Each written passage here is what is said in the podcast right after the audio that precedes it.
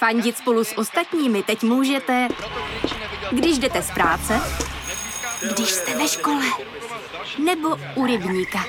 Jsme tu, abyste mohli být mezi svými kdekoliv. Tak zůstaňte ve spojení díky datům na naší nejrychlejší mobilní síti v Česku. T-Mobile.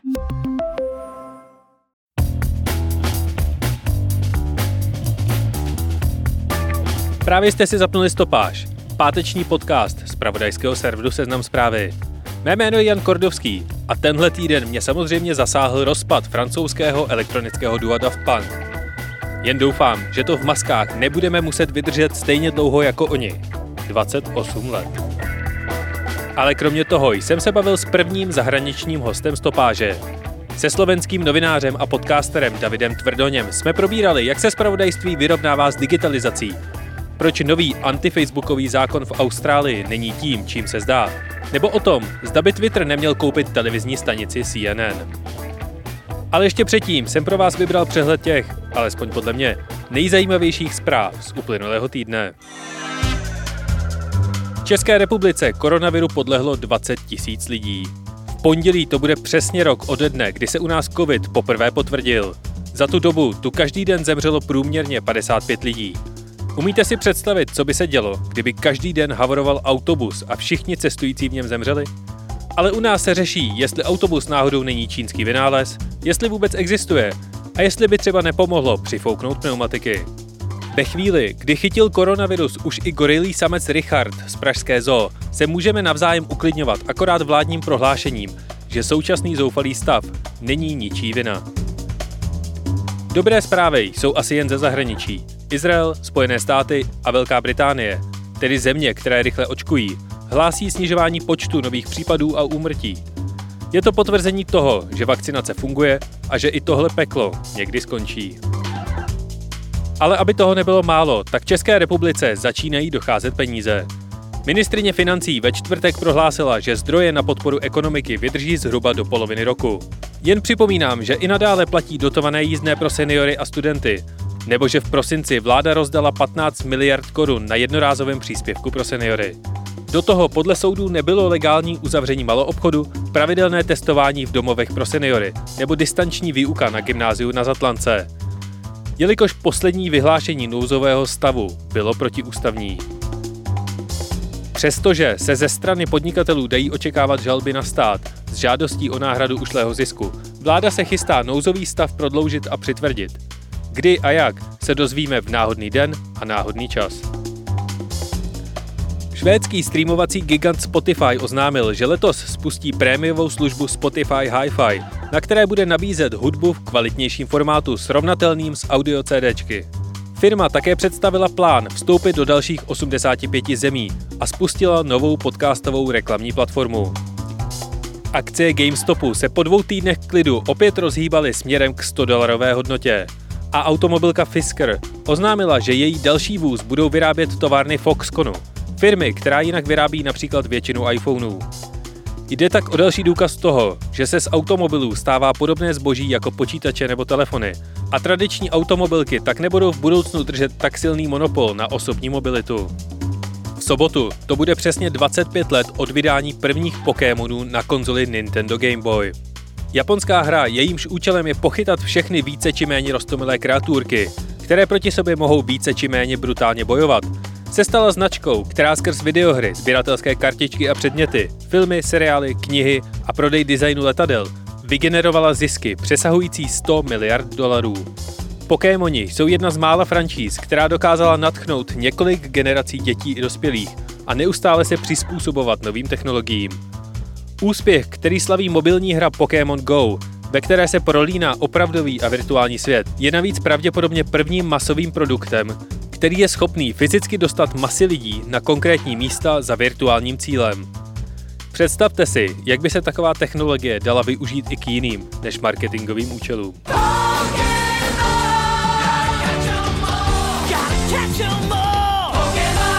A co se stalo ještě? Britský soud určil, že řidiči Uberu musí být v Británii bráni jako zaměstnanci a ne jako živnostníci. Z Bruselu přišel další audit, který potvrzuje střed zájmu Andreje Babiše. V USA se náklady na univerzitní studium zvedly za 50 let o 3000%. Praha schválila realizaci jednotného informačně navigačního systému, který vzejde z mezinárodní soutěže. Golfista Tiger Woods leží po nehodě v nemocnici s těžkým zraněním nohou. Očkovací kampaň, která se měla spustit během ledna, se odkládá na konec března. V New Yorku se začínají otevírat kina, v Británii Primark a u nás začal rohlík pomáhat s rozvozem vakcín. Americká pošta ukázala novou podobu standardního poštovního auta. Bude mít i elektrickou variantu a zepředu vypadá jako Hafez al-Assad. Facebook zablokoval barmské armádě účty na Facebooku i Instagramu. V sobotu je Mezinárodní den ledních medvědů a na Bohemce se zrušila tribuna štafle. A stalo se toho mnohem, mnohem víc. Vše důležité, co potřebujete vědět, najdete každý den na Seznam zprávách.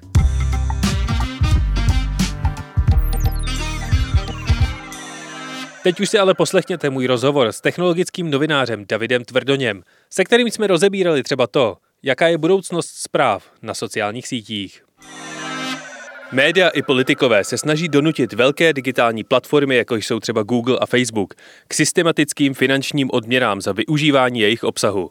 Navrhované zákony ale občas dopadnou tak, že Facebook prostě práskne dveřmi a odkazy na spravodajské média prostě vypne.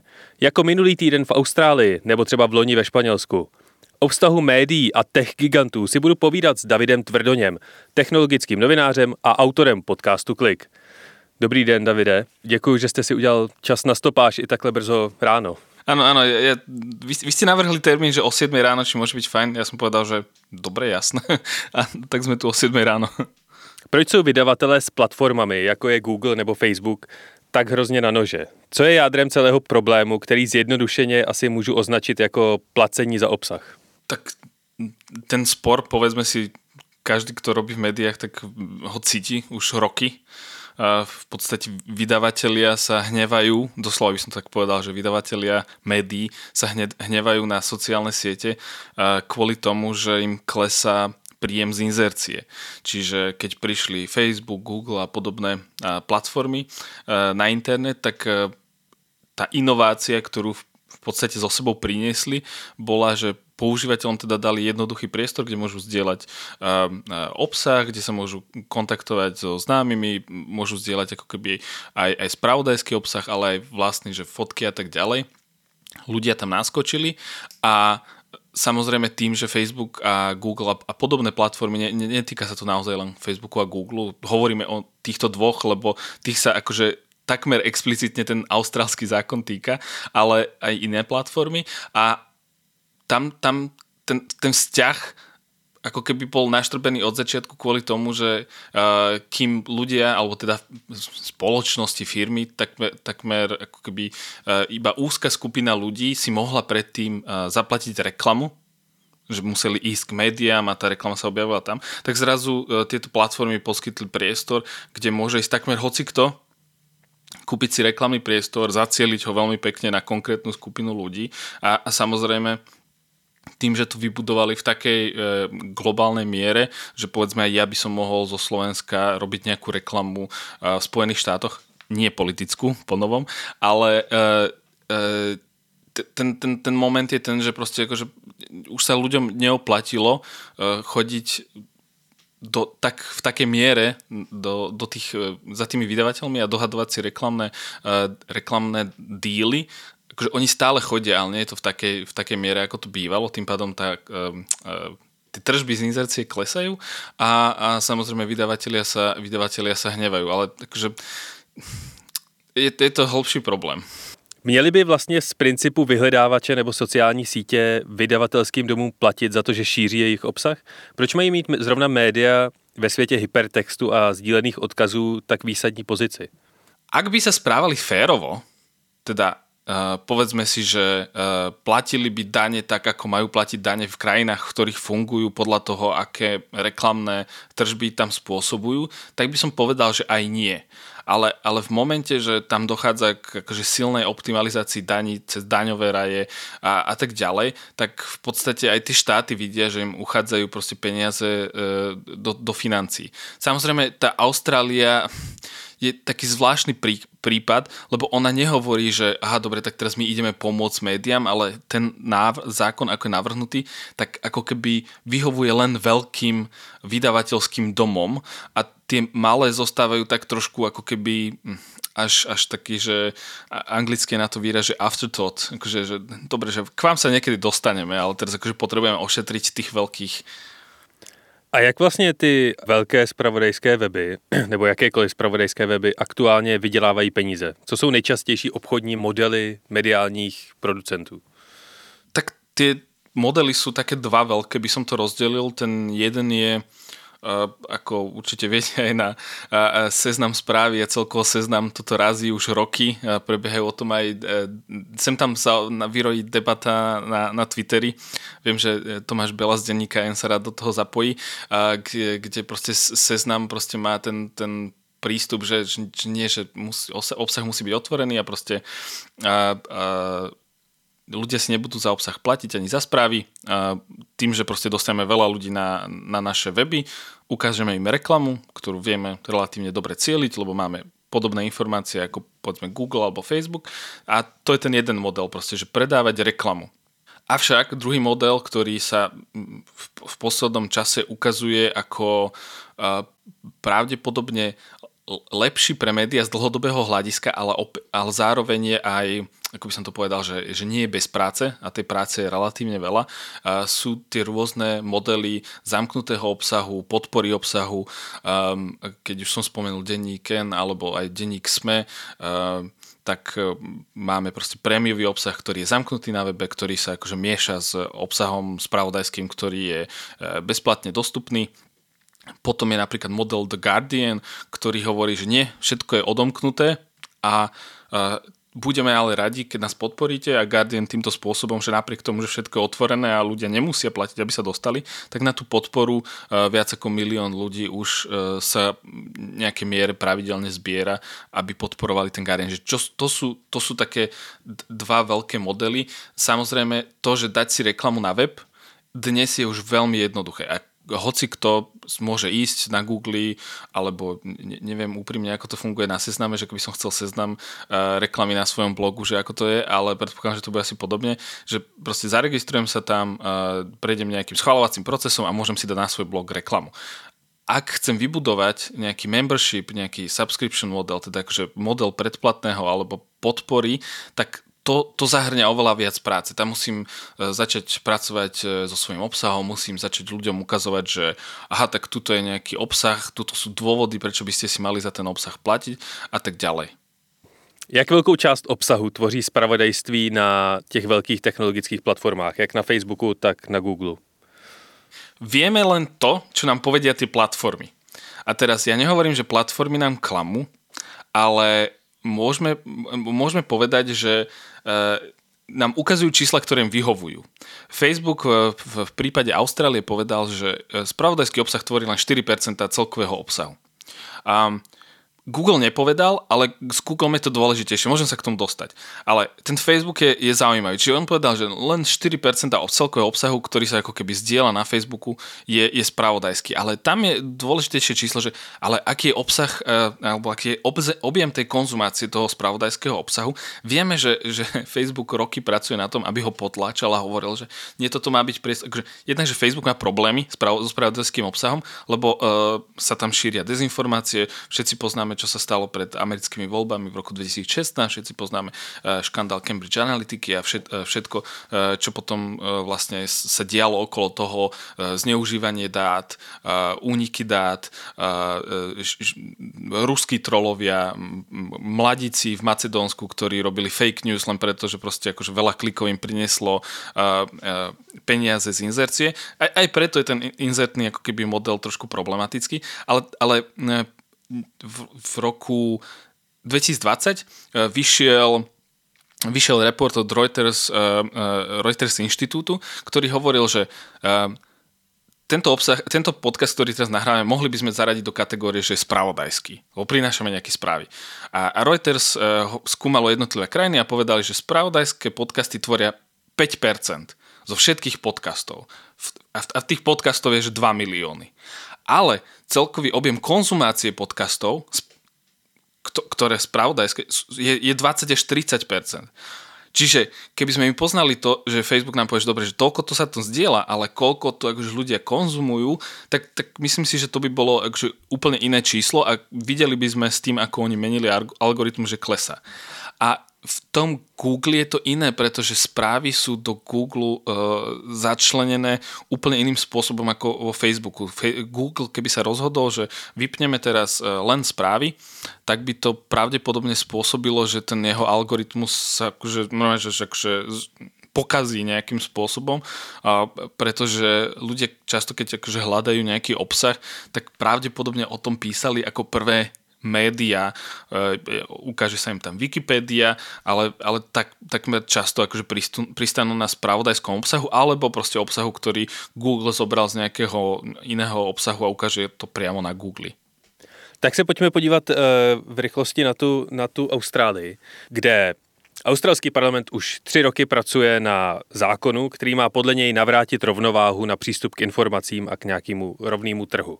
Minulý týden na základě tohoto zákona Facebook přestal na celém světě, nejenom v Austrálii, sdílet jakýkoliv spravodajský obsah z australských webů.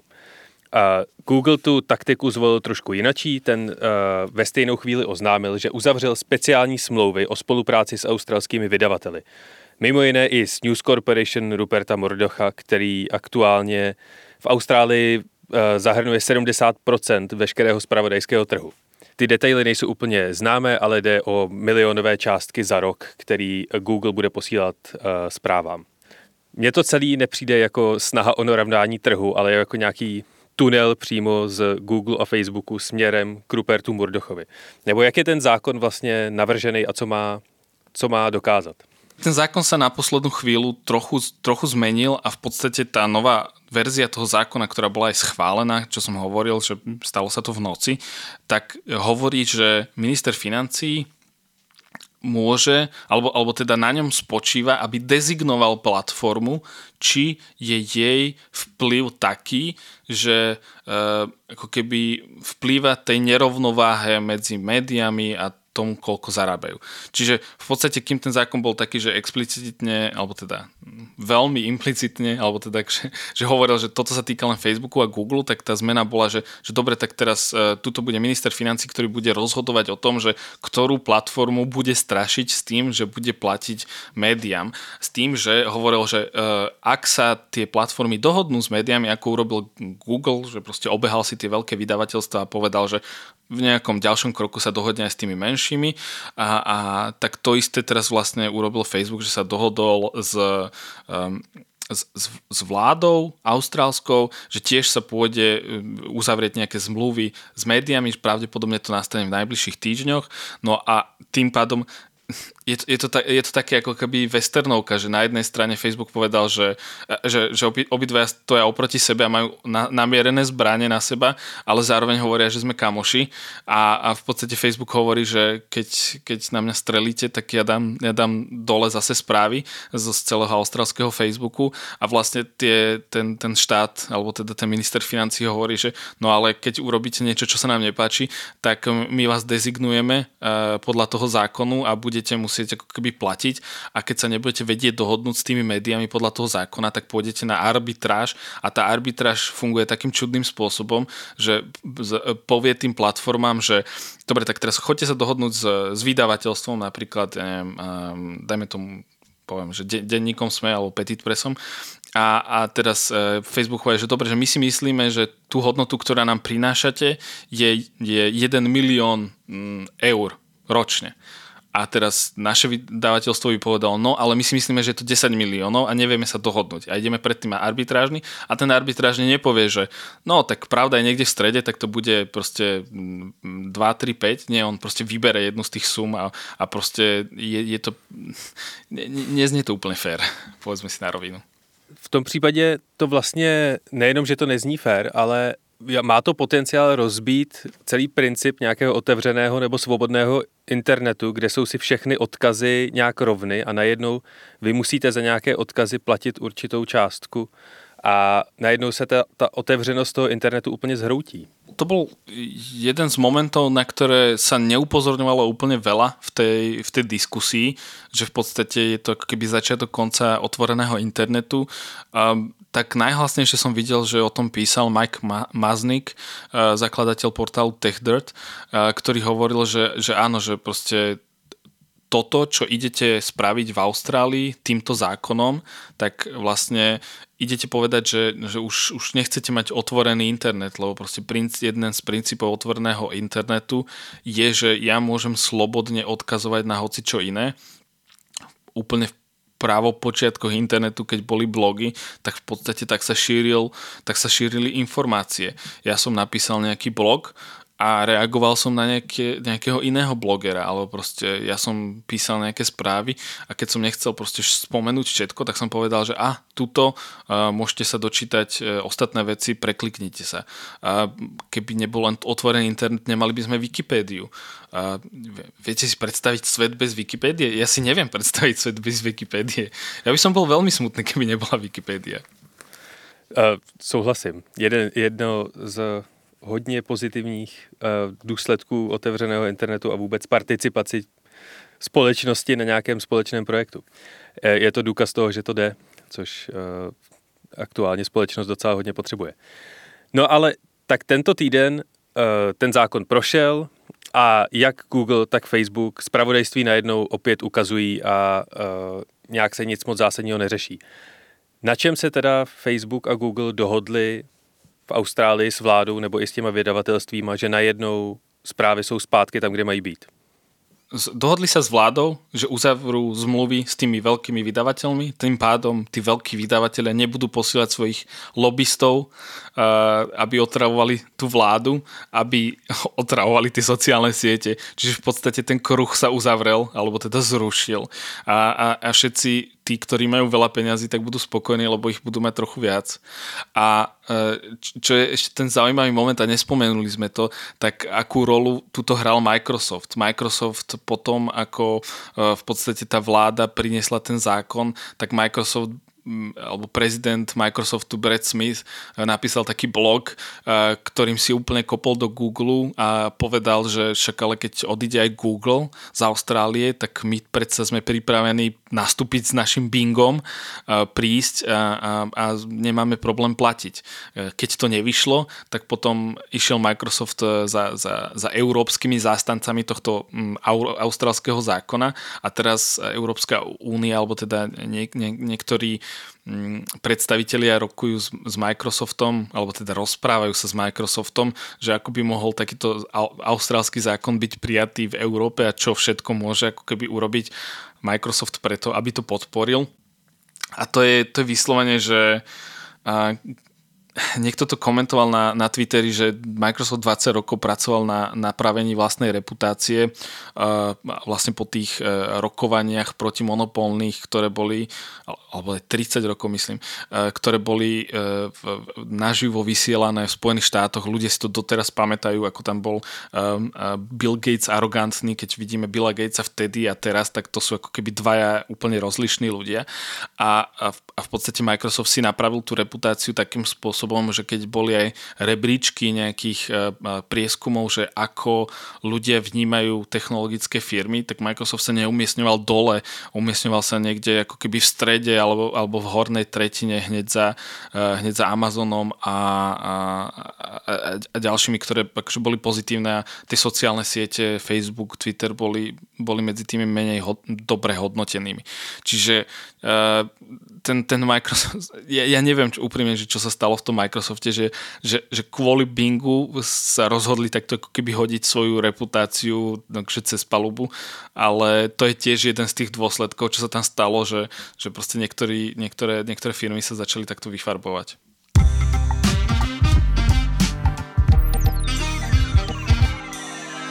Vůbec tlak na velké technologické giganty je teď uh, docela v kurzu, protože je to jeden z mála věcí, na čem se shodne jak levice, tak pravice po celém světě. Uh, pojďme regulovat Big Tech. Jak to dopadlo v Austrálii, jsme si teď vysvětlili. A jak se k, tomu, k tomuhle kroku, jak se na něj kouká Evropská unie?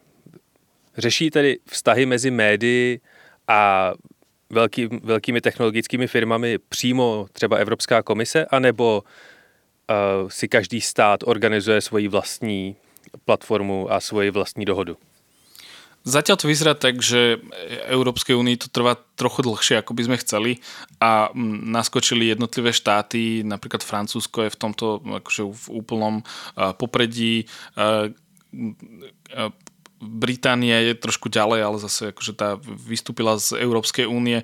A, a, a tieto štáty ako keby postupne začínajú prinášať svoje národné um, zákony, alebo teda hroziť, že ich prinesú v niektorých prípadoch.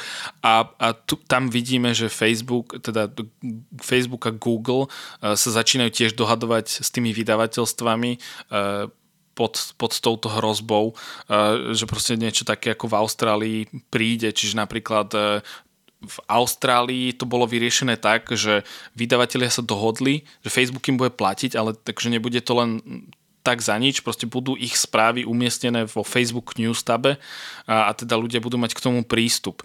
A je to ako keby nejaké licencovanie obsahu, čiže ľudia dostanú uh, zadarmo prístup. To isté Google News Showcase, um, uh, čo je vlastne aktualizácia Google News aplikácie, kde zrazu budú ako keby vybrané médiá podľa toho, s ktorými sa dohodlo Google a opäť ten obsah tam bude otvorený, aj keď niektoré majú ten predplatiteľský model. A, a tento, tieto dva modely, Google a Facebook, prinášajú postupne do Európy. Samozrejme začínajú veľkými krajinami, pretože veľké krajiny sú, sú jednak pre nich ako keby teoretickou hrozbou aj, aj v tom, že oni by tlačili dopredu nejaký európsky zákon v prípade, že by sa nedohodli.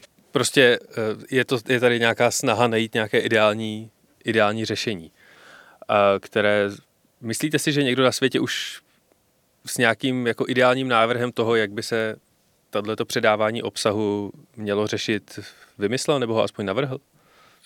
Akože, že v takej miere, no, ako by to proste vyhovovalo, že, že na, celé, na celé krajiny, tak som to úprimne, úprimne nevidel. Akože pre mňa je pomerne sympatické, čo robia tie platformy, že sa snažia na svojich, na svojich um, uh, akože platform, na, na svojich sieťach, na svojich weboch akože sprostredkovať médiám napríklad, že aby ľahšie sa ľudia vedeli prihlásiť do, do toho predplatného ale to, to tiež proste prechádza nejakým procesom. V podstate akože hľadať nejaký akože mo- model, ktorý bude univerzálne vyhovovať veľkým, stredným, malým médiám, uh, no, no neviem, zatiaľ akože taký som nevidel.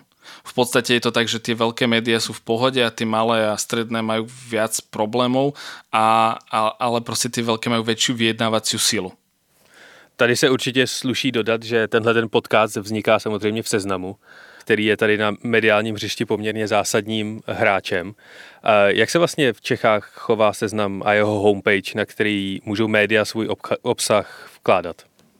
ten model v podstate v Česku je veľmi podobný, alebo teda seznamu je veľmi podobný ako mm, tak, tak nejaký mix medzi Facebookom a Googlom keď, keď v podstate sa ja rozprávam s, nejakými českými aj novinármi alebo vydavateľmi, tak v podstate na jednej strane hovoria, že e, Facebook, e, teda, pardon, seznam, že keď sa tam objavia nejaké ich texty alebo články, tak proste prinesú tú návštevnosť, čiže v podstate je to na jednej strane dobre.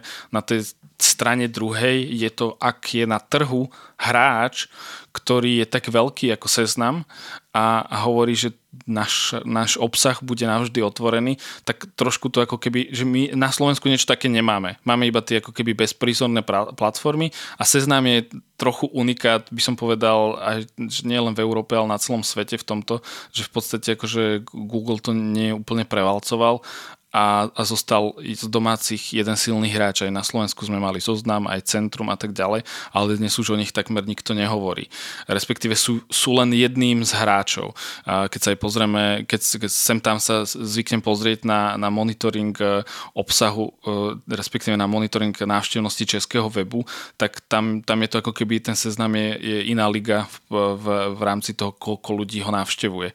Čiže tá, tá sila je veľmi veľká, ale zároveň aj v tej tom Česku je vidieť, že napríklad e, ten predplatiteľský model sa začína e, rozširovať do ostatných médií, v ekonomii, v, v denníku N, aj, aj denníky Vltava, Labe Media začínajú proste prinášať, alebo vlastne i priniesol prémiový zamknutý obsah a, a hovoria, že sa im s týmto modelom darí. Čiže myslím si, že na jednom trhu môžu fungovať obidva modely a akurát potom sa musí tomu prispôsobiť ako keby stratégia, aj, aj ten biznis model, len tie médiá si musia povedať, že dobre, tak čo je teraz pre nás priorita? Je pre nás priorita návštevnosť a získanie inzercie, alebo ideme tú no, energiu a čas venovať tomu, že ideme budovať uh, naš, naše, akože ten predplatiteľský model a prinášať uh, spravodajstvo, ktoré je teda ako keby dobré, pravdivé, ale, ale zároveň je tam proste časť, ktorú chcú, aby sme im proste priniesli tým našim predplatiteľom. A teraz nehovorím, že budú uh, tie médiá len podľa toho keby robiť obsah, ale proste bude časť obsahu napríklad, že keď má vaše publikum platiace vysokú afinitu uh, k, k klimatickej zmene a, a väčšina médií tú klimatickú zmenu nerieši až tak do, do hĺbky, povedzme si na rovinu, akože nie je to sexy téma, tak e, tým, že proste je tam ten tlak od tých platiacich používateľov, tak proste začnete o tej klimatickej kríze viac hovoriť. A s tým som ja akože úplne v pohode, lebo to je proste akože dôležitá téma, o ktorej sa hovorí. Máte nějaká data o tom, jak lidé v roce 2021 nebo 2020 konzumují zprávy na internetu? Chodí přímo na ty spravodajské servery? Nechají si to posílat, eh, nechají si ty zprávy posílat do aplikací, vyhledávají, co je zrovna zajímá, nebo prostě čtou, co na ně vysypou sociální sítě? Tie dáta, ktoré máme, tak sú, jednak samozrejme, ja, ja vidím tie dáta, ktoré chodia na smečko, mám ceca prehľad do slovenských vydavateľov, že aká je tá návštevnosť, väčšinou je ten uh, úzus taký, že pri veľkých médiách uh, je, tí, tie, ktoré existujú niekoľko rokov, tak uh, ľudia sa naučili chodiť na ich homepage, teda na ich akože hlavné stránky, je tam priama návštevnosť, ktorá tvorí uh, podľa toho, aké médium, tak od 40 do 60% a tých, tých zvyšných 40 až 60% podľa toho, aké médium, tak sú takéto kombinácia návštevnosti z vyhľadávačov, teda Google alebo Seznam a sociálnych sietí Facebook, v prípade Česka asi aj Twitter, na Slovensku Twitter nie je taký, uh, taký ako by som povedal, rozšírený. A keď sa, keď sa ale pozrieme na to, že ako ľudia konzumujú ten obsah, že čo hovoria, že odkiaľ konzumujú obsah, že čo sú tie vstupné brány, tak napríklad aj štúdia Reuters hovorí, že to v podstate akože v poslom čase bijú sociálne siete. Bola, to, bola dlho bol na, na, na prvom mieste televízia, kde uvádzali ľudia, že, alebo aspoň na Slovensku, Česko teraz úplne neviem, ako bolo v tom, v tom, v tom, v tom reporte, ktorý vychádza každý rok, ale na Slovensku to bolo, že sociálne siete už preskočili v podstate aj tú telku a, a boli tam proste na prvom, na prvom mieste. Uh-huh. A Máte příklad nějakého světového nebo klidně i československého média, který našlo ten svůj obchodní model uh, a umí vlastně ty návštěvníky přitáhnout dobře bez, bez nějakých zásadních berliček? v posledných rokoch sa v Amerike snažia prísť s nejakými modelmi pre lokálne spravodajstvo, viaceré vydavateľstva. A jeden z modelov, ktoré sa mi osobne páčia, ale neviem, či bude úplne fungovať, čiže to nie je úplne odpoveď na otázku, je, je snaha napríklad Axios uh, rozšíriť sa do, do jednotlivých štátov. Axios je v podstate mediálny startup, oni získali veľa peňazí, ale za tých veľa peňazí uh, uh, nabrali v podstate že veľmi dobrých skúsených novinárov a, a stavajú tie jednotlivé témy na tých ľuďoch, čiže a, a hovoria, že základ toho, ako sa šíria správy, sú cez newsletter. Čiže posielajú ako keby uh, newsletter uh, a, majú ako keby jednotlivé vertikály, politika, média, technológie, budúcnosť, cestovanie a tak ďalej.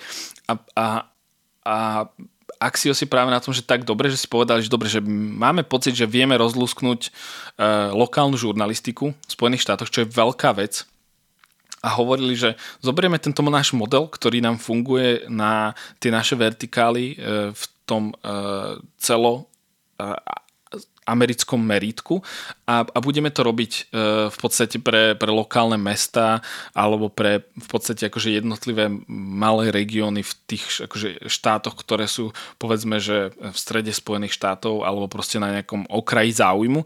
A ten model je taký, že proste e, zobrali novinára, ktorý bude v tom jednom meste písať e, newsletter, ktorý bude vychádzať každý deň a bude v podstate robiť nejaký ori- originál, um, ako keby originálne získavanie správ, teda akože on niečo zistí a zároveň bude tam mix preberania obsahu, čo vychádza lokálne.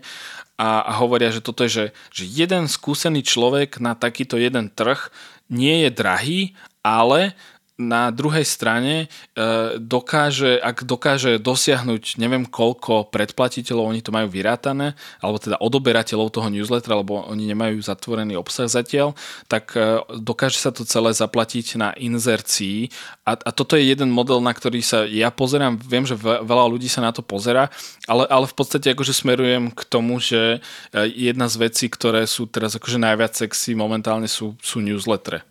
Vy právě zmiňujete newslettery a celé této debatě tak se řeší víceméně jenom Google a Facebook. Ale v posledních týdnech se množí i spekulace o budoucnosti Twitteru. Ta právě údajně, ten právě údajně plánuje vstup na trh s předplatným. Proslýchá se, že založí nějaký subscription a bude nějaká možnost platit si premium verzi, která nabídne více funkcí a přístup k nějakému exkluzivnímu obsahu. Jaká je podle vás budoucnost Twitteru? Stane se z něj hegemon na výměnu spravodajství a právě newsletterů?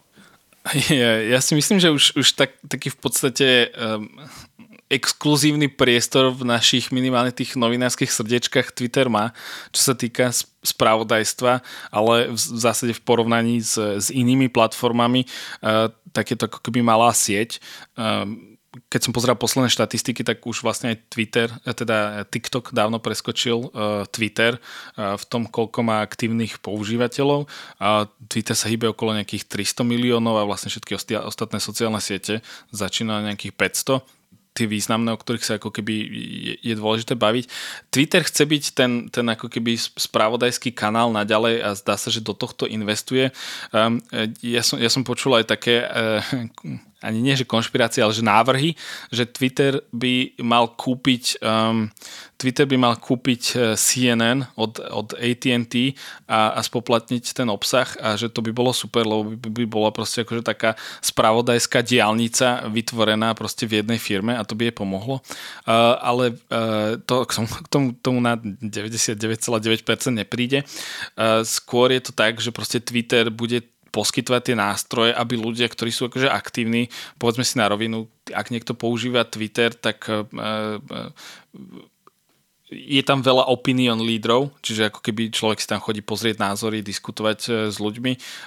Jasné, tie, tie, tie debaty majú rôznu úroveň, ale v zásade, keď sa pozrieme na to, že čo tieto kroky, ktoré ste spomínali, že kúpili eh, holandské revue, eh, čo je vlastne newsletterová platforma, eh, Bloomberg priniesol tú správu, že rozprávajú sa o nejakom tippingu, čo by bolo ako keby, že keď niekoho sledujete, tak máte možnosť mu ako keby prispieť. Rozprávali sa tiež o tom, že môžem, môžem, mohli by tam ľudia nastaviť akože predplatné, čiže nejaký model OnlyFans, že budem platiť za exkluzívny obsah len teda spravodajsky. A e, tých modelov, nad ktorými rozmýšľajú, je veľa. No a vy sám máte, e, máte newsletter na Substacku, což je zase téma samo pro sebe, na kterém bychom tady mohli strávit hodiny.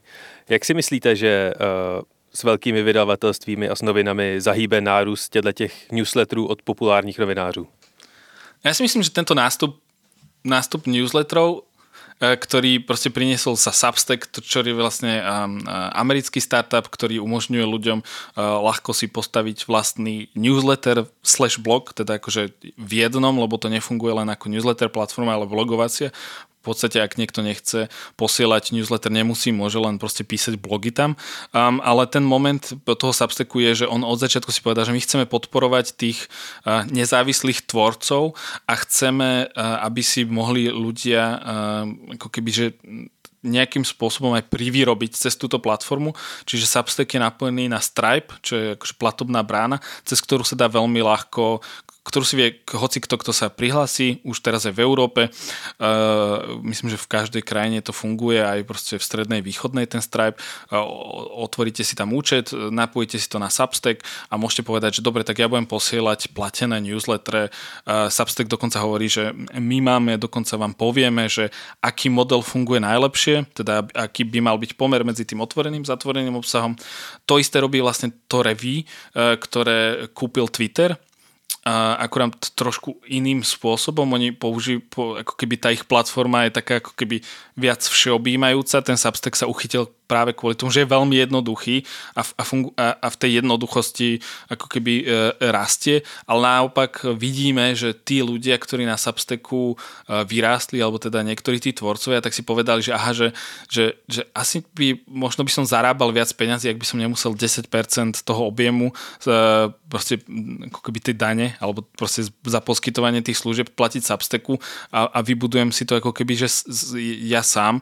Čítal som niekoľko takýchto blogov, že odišli ľudia zo Substacku, ale v podstate ten message je, že ono je to taký trochu návrat k tým 90. rokom toho internetu, kedy proste ľudia mali blogy, z blogov si odkazovali na jednotlivé blogy, tie spravodajské médiá prišli na internet až v neskorých 90. rokoch, okolo 2000 a, a, a v podstate to bola taká taká, blogery na to tak spomínajú, že taká akože zlatá éra internetu. Veľa, veľa ako keby technologických nadšencov na, ten, eh, na to obdobie, ktoré sa volá, že web 2.0 eh, spomína s takým ako keby uh, takým pozitívnym takou pozitívnou nostalgiou, že to bolo také pekné. A ono to bolo pekné, lebo na tom naozaj internete boli technologicky nadšenci a väčšina z nich, veľká väčšina z nich naozaj, že nemala zlé pohnutky. Ale, ale dnes tiež sa zhodujú takmer všetci, že, že áno, že proste akože internet začali používať diktatúry a internet začali používať štátne uh, aparáty na to, aby proste ohýbali verejnú mienku. Čiže s tým vlastne prichádza aj obmedzenie a nejaké proste zákony, ktoré musia prijať.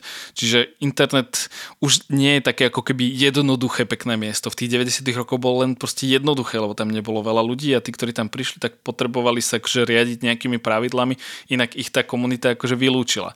Čiže tie newslettery nás návrat k tomuto a ja osobne som uh, veľmi tomu nadšený, lebo v podstate ten model je, že nemusím ja nikam chodiť, ten obsah príde za mnou do mojej schránky, do môjho inboxu a uh, neexistuje tam žiadny algoritmus, a ten obsah, ktorý mi príde, je vlastne obsah, ktorý, ktorý vlastní to médium.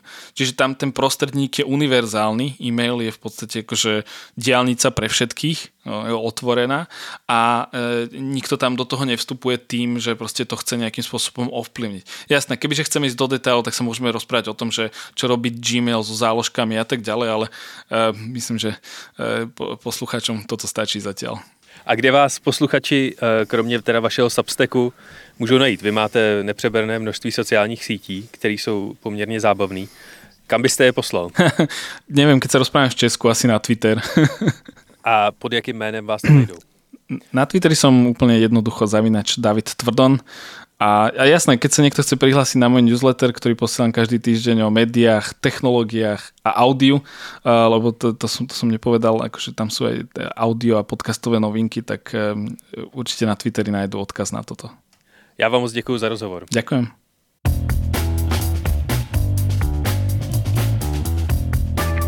A to je ode mě pro tento týden opět vše. Tentokrát chci z reakce a recenze v Apple Podcast poděkovat Pavlu Jursíkovi, Janu Horinovi, biochemikovi Tomášovi a Michailu Rosypalovi. Pokud vám stopáž dělá alespoň trochu radost, uděláte radost mě. Pokud se o ní zmíníte kamarádu, napíšete mi na Twitteru, anebo ji ohodnotíte ve vaší podcastové aplikaci. A samozřejmě díky všem, kdo posloucháte až do konce. Pokud máte nějaký vzkaz, námět, stížnost nebo pochvalu pro audio tým Seznam zpráv, můžete nám napsat na adresu audio.cz. Díky za poslech, neleste ven, noste respirátory, užijte si víkend a příští pátek zase na Seznam zprávách.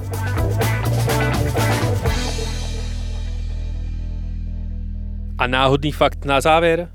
Jeho korejský gigant Samsung, který má dnes tržní hodnotu přesahující 500 miliard dolarů, byl založen v roce 1938 a začínal jako stánek se zeleninou a sušenými rybami.